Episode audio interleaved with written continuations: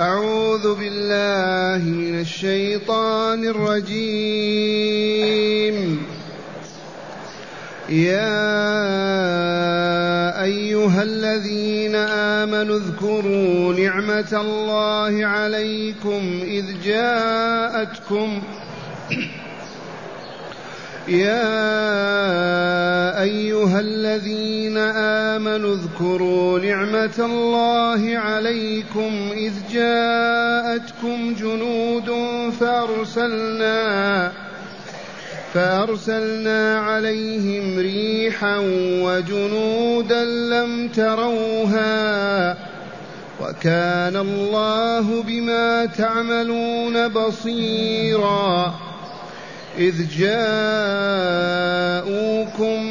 من فوقكم ومن أسفل منكم وإذ زاغت الأبصار وإذ زاغت الأبصار وبلغت القلوب الحناجر وتظنون بالله وتظنون بالله الظنونا هنالك ابتلي المؤمنون وزلزلوا زلزالا شديدا.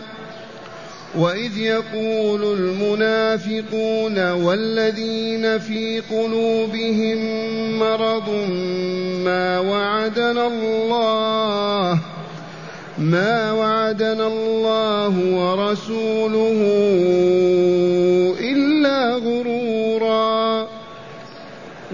قالت طائفة منهم يا أهل يثرب لا مقام لكم فارجعوا.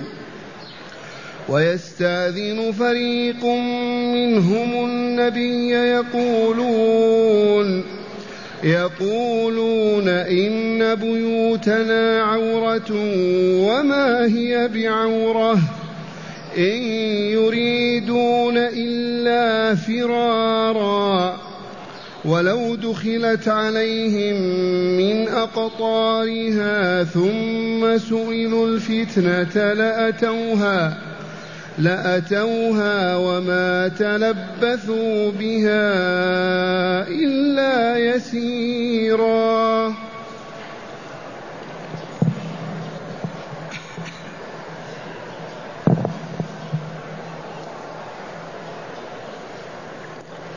معاشر المستمعين والمستمعات من المؤمنين والمؤمنات.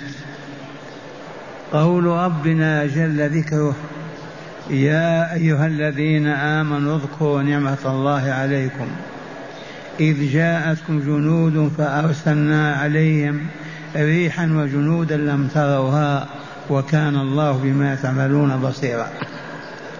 هذه الآيات يذكر الله تعالى بها المؤمنين في كل زمان ومكان إذ هي نعمة من أجل النعم وأعظمها ليشكروا الله على ذلك بطاعته وطاعة رسوله صلى الله عليه وسلم. إذ هذه الحادثة الجلل العظيمة تسمى بغزوة الأحزاب أو بغزوة الخندق. وخلاصتها أنها في السنة الرابعة أو أوائل الخامسة.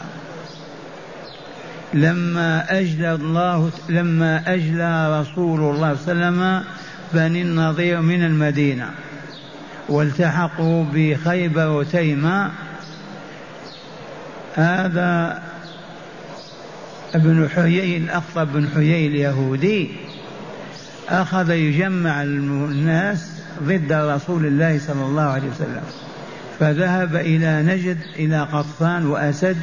ذهب إلى مكة أبي سفيان وجمع الناس أتى إلى بني قريظة ودخل بينهم وهيجهم وبلغ الرسول صلى الله عليه وسلم ذلك. فحفر الخندق وراء جبل السرع بإرشاد من سلمان الفارسي. سلمان رضي الله عنه من فارس كان يعرف هذه الخنادق لتحول بينهم وبين العدو. فقال للنبي صلى الله عليه وسلم احفر هذا الخندق حول جبل سلع والرجال يقفون تحت الجبل والخندق أمامهم. فحفروا شهرين كاملين. وتم. ثم جاءت الأحزاب. جاءوا من نجد وما حواليها بنو غطفان وبنو أسد ونزلوا شرق أحد وجاء أبو سفيان مع 12 ألف من مكة مع كنانة ونزلوا غرب المدينة. إذا وسوف تسمعون القصة مفصلة الآن في التفسير. وتأملوها. وهذا كله ذكرى لنا لنشكر الله تعالى على إنعامه وإفضاله علينا. قوله تعالى يا أيها الذين آمنوا اذكروا نعمة الله عليكم. إذ جاءتكم جنود. الآيات هذه قصة غزوة الخندق أو الأحزاب. سميها الخندق أو سميها الأحزاب. قصها تبارك وتعالى على المؤمنين في معرض التذكير بنعمه تعالى عليهم ليشكروا بالانقياد والطاعة لله ورسوله وقبول كل ما يشرع لهم لإكمالهم وإسعادهم في الحياتين. فقال تعالى يا أيها الذين آمنوا أي يا من آمنتم بالله ربا وإلها وبمحمد نبيا ورسولا وبالإسلام دينا وشرعا اذكروا نعمة الله عليكم المتمثله في دفع أكبر خطر قد قد حاق بكم وهو اجتماع جيوش عدة على غزوكم في عقر داركم وهم جيوش قريش وأسد وقطفان وبنو قريظة من اليهود. ألبهم عليهم وحزب أحزابهم. حيي بن أخطب النظري عليه لعائن الله. يريد الانتقام من الرسول والمؤمنين. لماذا؟ إذ أجلاهم إذ, أجل إذ أجل أجلوهم عن المدينة وأخرجوهم منها فالتحقوا بيهود خيبر وتيمة. ولما بلغ النبي صلى الله عليه وسلم خبرهم أمر بحفر الخندق تحت سفح جبل سلع غربي المدينة وذلك بإشارة سلمان الفارسي رضي الله عنه. إذ كانت له خبرة حربية علمها من ديار قومه فارس. وتم حفر الخندق في خلال شهر لا شهرين في خلال شهر من الزمن. وكان صلى الله عليه وسلم يعطي لكل عشرة أنفار أربعين ذراعا أي عشرين مترا لكل واحد مترين. يحفر يحفر يحفرها وما إن فرغوا من حفره حتى نزلت جيوش المشركين وكانوا قرابة اثني عشر ألفا. ولما رأوا الرسول صلى الله عليه وسلم والمسلمين وراء الخندق تحت جبل سلع قالوا هذه مكيدة لم تكن العرب تعرفها. هذه مكيدة لم تكن العرب تعرفها فتناوشوا بالنبال والسهام. ورمى عمرو بن عبد ود القرشي رمى بفرسه في الخندق فقتله علي رضي الله عنه. ودام الحصار ودامت المناوشة. وكانت الأيام والليالي باردة والمجاعة ضاربة أطنابها قرابة الشهر خمس وعشرين يوم. وتفصيل الأحداث للقصة فيما ذكره تعالى فيما يأتي فاسمعوا. فقوله تعالى إذ جاءتكم جنود هي جنود المشركين من قريش ومن بني أسد وغطفان. فأرسلنا عليهم ريحا وجنودا لم تروها. لما جاء لم تروها لما جاءتكم جنود المشركين وحاصروكم في سفع سلع. أرسلنا عليهم ريحا وهي ريح الصبا المباركة التي تأتي من الشرق التي قال فيها رسول الله صلى الله عليه وسلم نصرت بالصبا وأهلكت عاد بالدبور. الريح الغربية وهي الريح الغربية. وفعلت وفعلت بهم الصبا الأفاعيل. هذه الريح ريح الصبا فعلت بالكافرين الأفاعيل حيث لم تبق لهم نارا إلا أطفأتها ولا قدرا إلا على الأثاث إلا أراقته ولا خيم ولا فسطاطا إلا أسقطته وأزالته. حتى اضطروا إلى الرحيل. فرحلوا. وقوله تعالى وجنودا لم تروها وهم الملائكة. فأصابتهم أي الملائكة بالفزع والرعب الأمر الذي أفقدهم كل رشدهم وصوابهم. ورجعوا يجرون أذيال الخيبة والحمد لله. وقوله تعالى وكان الله بما تعملون بصيرا أي بكل أعمالكم من حفر الخندق والمشادات من حفر الخندق والمشادات والمناورات وما قاله وعمله المنافقون لم يغب عليه تعالى شيء وسيجزيكم به المحسن بالإحسان والمسيء بالإساءة. وقوله تعالى إذ جاءوكم أي المشركون من فوقكم أي من من الشرق وهم غطفان بقيادة عيينة ابن حصن وأسد ومن أسفل منكم وهم قريش وكنانة أي من الجنوب الغربي هكذا. وهذا تحديد لساحة المعركة.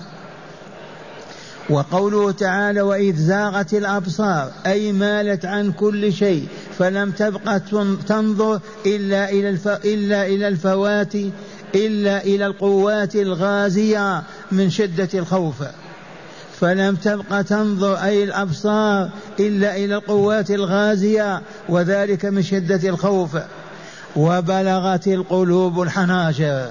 أي ارتفعت بارتفاع الرئتين فبلغت منتهى الحلقوم من شدة الخوف. وقوله تعالى وتظنون بالله الظنون المختلفة من نصر وهزيمة وسلامة وعطب. وهذا تصوير للحال أبدع تصوير وهو كما ذكر تعالى حرفيا.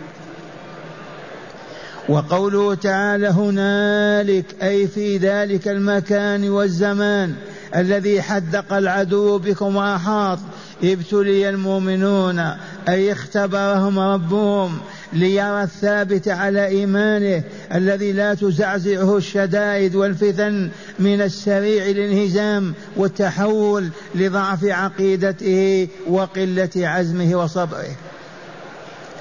وقوله تعالى وزلزلوا زلزالا شديدا أي أزعجوا وحركوا حراكا شديدا لعوامل قوة العدو وكثرة جنوده وضعف المؤمنين وقلة عددهم وعامل المجاعة والحصار والبرد الشديد وما أظهر المنافقون من تخاذل وما كشفت عنه الحال من نقض بني قريظة عهدهم وانضمامهم إلى الأحزاب.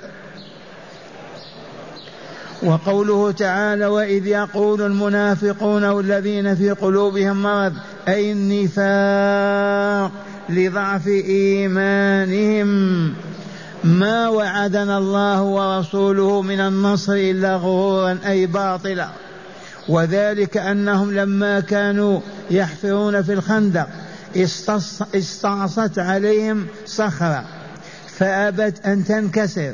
فدعي لها الرسول صلى الله عليه وسلم فضربها بالمعول.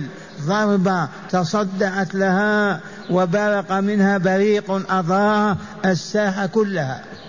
فكبر رسول الله صلى الله عليه وسلم وكبر المسلمون. الله أكبر. ثم ضربها ثانية ضربة ثانية فصدعها وبرقت منها برقة. أضاءت ما بين لابتي المدينة. فكبر النبي صلى الله عليه وسلم وكبر المؤمنون تكبير الفتح وضرب ثالثة فكسرها وبرقت لها برقة كسابقتيها وكبر رسول الله صلى الله عليه وسلم وكبر المسلمون.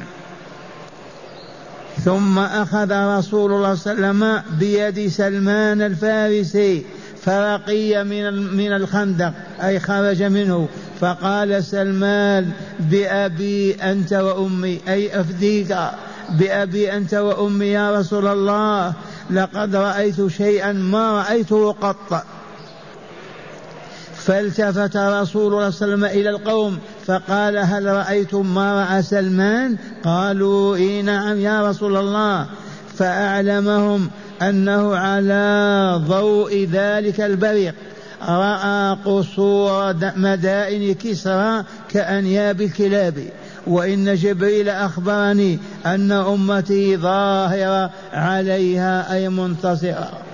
كما رأيت في الضربة الثانية القصور الحمراء من أرض الروم وأخبرني جبريل أن أمتي ظاهرة عليها. ورأيت في الثالثة في الضربة الثالثة قصور صنعاء وأخبرني جبريل أن أمتي ظاهرة عليها فأبشروا أبشروا أبشروا. فاستبشر المسلمون بالرجال فاستبشر المسلمون وقالوا الحمد لله موعود صدق الحمد لله موعود صدق. فلما طال الحصار وشدت الأزمة واستبد الخوف بالرجال قال المنافقون وضعفاء الإيمان قالوا ما وعدنا الله ورسوله إلا غرورا. واستبد الخوف بالرجال قال المنافقون وضعفاء الإيمان ما وعدنا الله ورسوله إلا غرورا. إذ قال متعب بن قشير متعب بن قشير يعدنا محمد بفتح فارس والروم وأحدنا لا وأحدنا لا يقدر أن يتبرز فرقا وخوفا. ما هذا إلا وعد غرور. أعيد كلمة هذا المنافق. قال إذ قال معتب بن قشير يعدنا محمد بماذا؟ بفتح فارس والروم. وأحدنا لا يقدر أن يتبرز يتبول يعني فرقا وخوفا ما هذا إلا وعد غرور وقوله تعالى وإذ قالت طائفة منهم أي من المنافقين وهم أويس بن قيضي أحد رؤساء المنافقين. ماذا قالوا؟ يا أهل يثرب أي المدينة كانت تسمى يثرب قبل أن يبطل الرسول صلى الله عليه وسلم هذا الاسم لها ويسميها بالمدينة النبوية. لا مقام لكم أي في سفح سلع عند عند الخندق.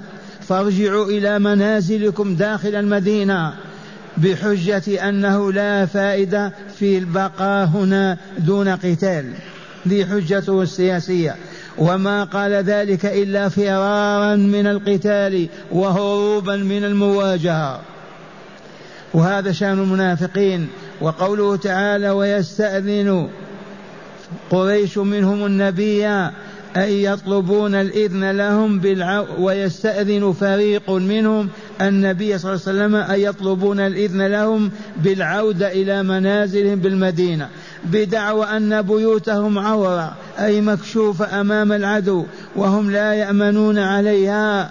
وأكذبهم الله تعالى في قولهم فقال وما هي بعورة إن يريدون إلا فرارا أي ما يريدون بهذا إلا الاعتداء إلى بهذا الاعتداء إلا الفرار من وجه العدو. وقال تعالى فيهم ومن أصدق من الله قولا ولقد ولو دخلت عليهم أي المدينة من أقطارها نواحيها من جميع نواحيها من شرق وغرب وشمال وجنوب ثم سئلوا الفتنة ثم طلب منهم طلب منهم العدو الغازي الذي دخل عليهم المدينة أي طلب منهم الردة أي العودة إلى الشرك لا أتوها وأعطوها. فورا. وما تلبثوا بها إلا يسيرا حتى يرتدوا عن الإسلام ويصبحوا كما كانوا مشركين والعياذ بالله تعالى من النفاق والمنافقين. كيف أنتم مع هذه الحادثة العظيمة؟ خلاصتها يجب أن نشكر الله على هذه النعم. لو مات رسول أو انهزم المسلمون ما بلغنا الإسلام ولا أسلمنا. الحمد لله الحمد لله. وما زال الله ينصر أولياءه إلى آخر ساعة من الدنيا. متى وجد أولياء الله وطلبوا النصر إلا نصرهم الله. والآن مع هداية الآيات. بسم الله الحمد لله. من هداية هذه الآيات أولا مشروعية التذكير بالنعم ليشكرها, ليشكرها المذكرون بها فتزداد طاعتهم لله ورسوله. من فائدة الآية وهدايتها مشروعية التذكير بالنعم. ذكر إخوانك بالنعم التي كانت لهم من أجل أن يذكروا ويشكروا. نعم. ثانيا عرض غزوة الأحزاب أو الخندق. عرضا صادقا لا أمثل منه في عرض الأحداث للعبرة ثانيا عرض تعالى عرضا عجيبا لغزوة الخندق كأننا حاضرون معهم في هذه الآيات نعم. ثالثا بيان أن غزوة الخندق كانت من أشد الغزوات وأكثرها ألما وتعبا على المسلمين. أي نعم كانت غزوة الخندق وكانت بعد غزوة أحد. وكانت من أعظم الغزوات وآلمها وأشدها عذابا الجوع والبرد والحصار. كيف يفعلون؟ نعم. رابعا بيان أن حسن الظن بالله ممدوح وأن سوء الظن به تعالى كفر نعم. ونفاق. حسن الظن بالله ممدوح مطلوب مرغب فيه وسوء الظن والعياذ بالله صاحبه ملعون. نعم. خامسا بيان مواقف المنافقين الداعية إلى الهزيمة ليكون ذلك درسا للمؤمنين. إلى اليوم المنافقون دائما يثبطون ولا يريدون أن ينتصر المسلمون. إلى الآن هذا شأن المنافقين. ضعاف الإيمان الذين إما ما آمنوا إيمان ضعيف. فكادوا يثبطون رسول الله والمؤمنين. نعم. سادسا وأخيرا تقرير النبوة المحمدية بإخبار الغيب التي أخبر بها رسول الله فكانت كما أخبر من فتح فارس والروم واليمن. آية النبوة وهم في حفر الخندق. ضرب الحجر الصخرة لاح منها نور فانكشف له فارس بكاملها. لا ضرب ثانيا كفى بلاد الروم وشاهد اليمن وتم هذا كما أخبر. وانتصر المسلمون على فارس والروم وعلى اليمن فكانت آية من أعظم الآيات أي علامة من أكبر العلامات الدالة على أن محمدا رسول الله ونبيه. معاشر المستمعين والمستمعات أعظم الله أجرنا وأجركم في وفاة العالم الرباني الشيخ عطية بن محمد سالم. فقد دفن اليوم بعد صلاة العصر وصلى عليه عدد كبير وازداد العدد إلى الآن يطلبون له المغفرة والرحمة. فسألوا له المغفرة والرحمة وعلو الدرجة. اللهم اغفر له وارحمه. اللهم اغفر له وارحمه. اللهم اغفر له وارحمه. وعوض أمة محمد وعوض أمة محمد مثله يا رب العالمين. أو خيرا منه. فإنه نور إذا انطفى. كيف تمشي الأمة في الظلام؟ اللهم عوضنا خيرا منه يا رب العالمين.